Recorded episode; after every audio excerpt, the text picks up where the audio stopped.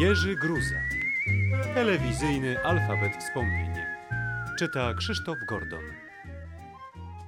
Z. Zofia Czerwińska. Niezapomniana pani Zosia z czterdziestolatka grała u mnie często. To świetna aktorka o wszechstronnych możliwościach dramatycznych i komediowych. Nie miała szczęścia do mężczyzn, bo miała zbyt wiele poczucia humoru. Humor w miłości przeszkadza. Była z wysokim, przystojnym kolegą aktorem. Nazywała go cesarzem tajemnicy.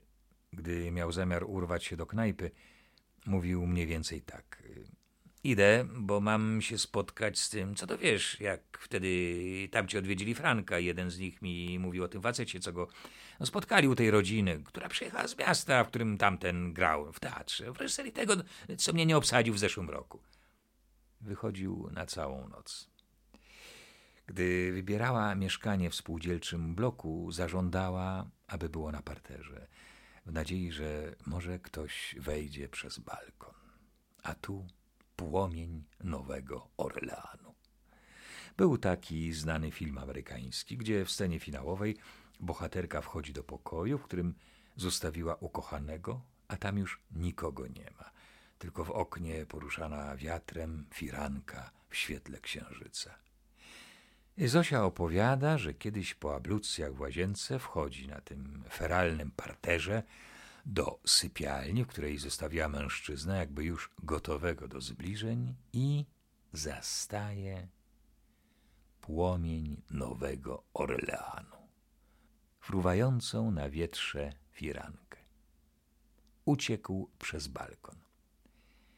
Jeden sportowiec, znany tyczkarz, opuścił ją, gdy zapytała z niewinną miną po jego rekordowym skoku w memoriale Kusocińskiego. I to ile rzuciłeś w dal tą tyczką? Cztery metry dwadzieścia? Kibic piłki nożnej odszedł od niej w trakcie pasjonującego meczu, gdy znudzona nagabywała go. No do ilu goli oni grają?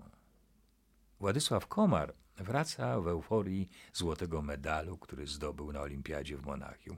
W klubie aktora, w którym stale przesiadywał, wszyscy wstają, śpiewają mu sto lat, ogólny entuzjazm, łzy wzruszenia, brawa. Gdzie ty tak długo byłeś? Co robiłeś, jak cię nie było? pyta Zosia. Komar był zbyt y, inteligentny, aby nie zrozumieć, że to żart. Jeszcze w szkole aktorskiej w Krakowie na jakimś konkursie literackim na pytanie jak było na imię wojskiemu, odpowiedziała bez wahania. Na ten czas. Zosia za dowcip sprzedałaby siebie, najbliższego kolegę, rodzinę, wszystkich. Telefon do domu Łapickich. Halo, tu Zofia Czerwińska. Można prosić pana Andrzeja? Odbiera telefon żona. Andrzej, do ciebie. Halo? Głos Andrzeja modulowany, very sexy. Słucham. Panie Andrzeju, tu Zosia Czerwińska. Zostawił pan w klubie aktora ekspres wieczorny. Jest do odebrania u mnie wieczorem. Wieczór. Zosia wraca z teatru do siebie na Czerniakowską. Słyszy zbliżające się kroki, namiętny szept. Jak ja bym panią. Jak pani mi się podoba, jakbym pani, bym, och, jakbym. Mężczyzna wyprzedza ją, ogląda i nagle kończy rzeczowo. Kiedyś, może kiedyś.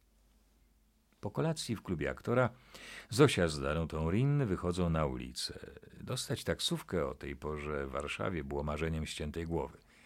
Wiedziało o tym warszawskie polewaczki. Zawsze stały pod klubem w oczekiwaniu na klientów. Źle opłacani kierowcy na garnuszku miasta dorabiali sobie w ten sposób. Stołeczni birbanci często korzystali z tego środka lokomocji, co było kompletnym surrealizmem, ale czasami jedyną możliwością przemieszczenia się na drugi koniec miasta. Dwie kobitki gramolą się do szoferki z pomocą kierowcy i zarządzają. Do Sarpu na Foksal. Proszę bardzo. Kierowca zapala motor kolosa. Ale z fasonem, z polewaniem. Nie będę lał. Płacimy, lej pan. Nie będę. Nie bój się pan, lej. To jest Danutarin. Gdzie ci mężczyźni, gdzie te chłopy? Poznał ją pan? Wszystko jedno. Rin, nie rin, nie będę lał. Ale dlaczego? Bo ja jestem miotła, powiedział cicho, lekko zawstydzony. Miał tylko jedno urządzenie do zamiatania ulic. Poczuł się jakby gorszy od kolegów, którzy mogli wozić pasażerów i efektownie polewać sikawką. Każdy marzy, aby być na wyższym stanowisku, na lepszej posadzie, zamiatać i lać przez całe życie.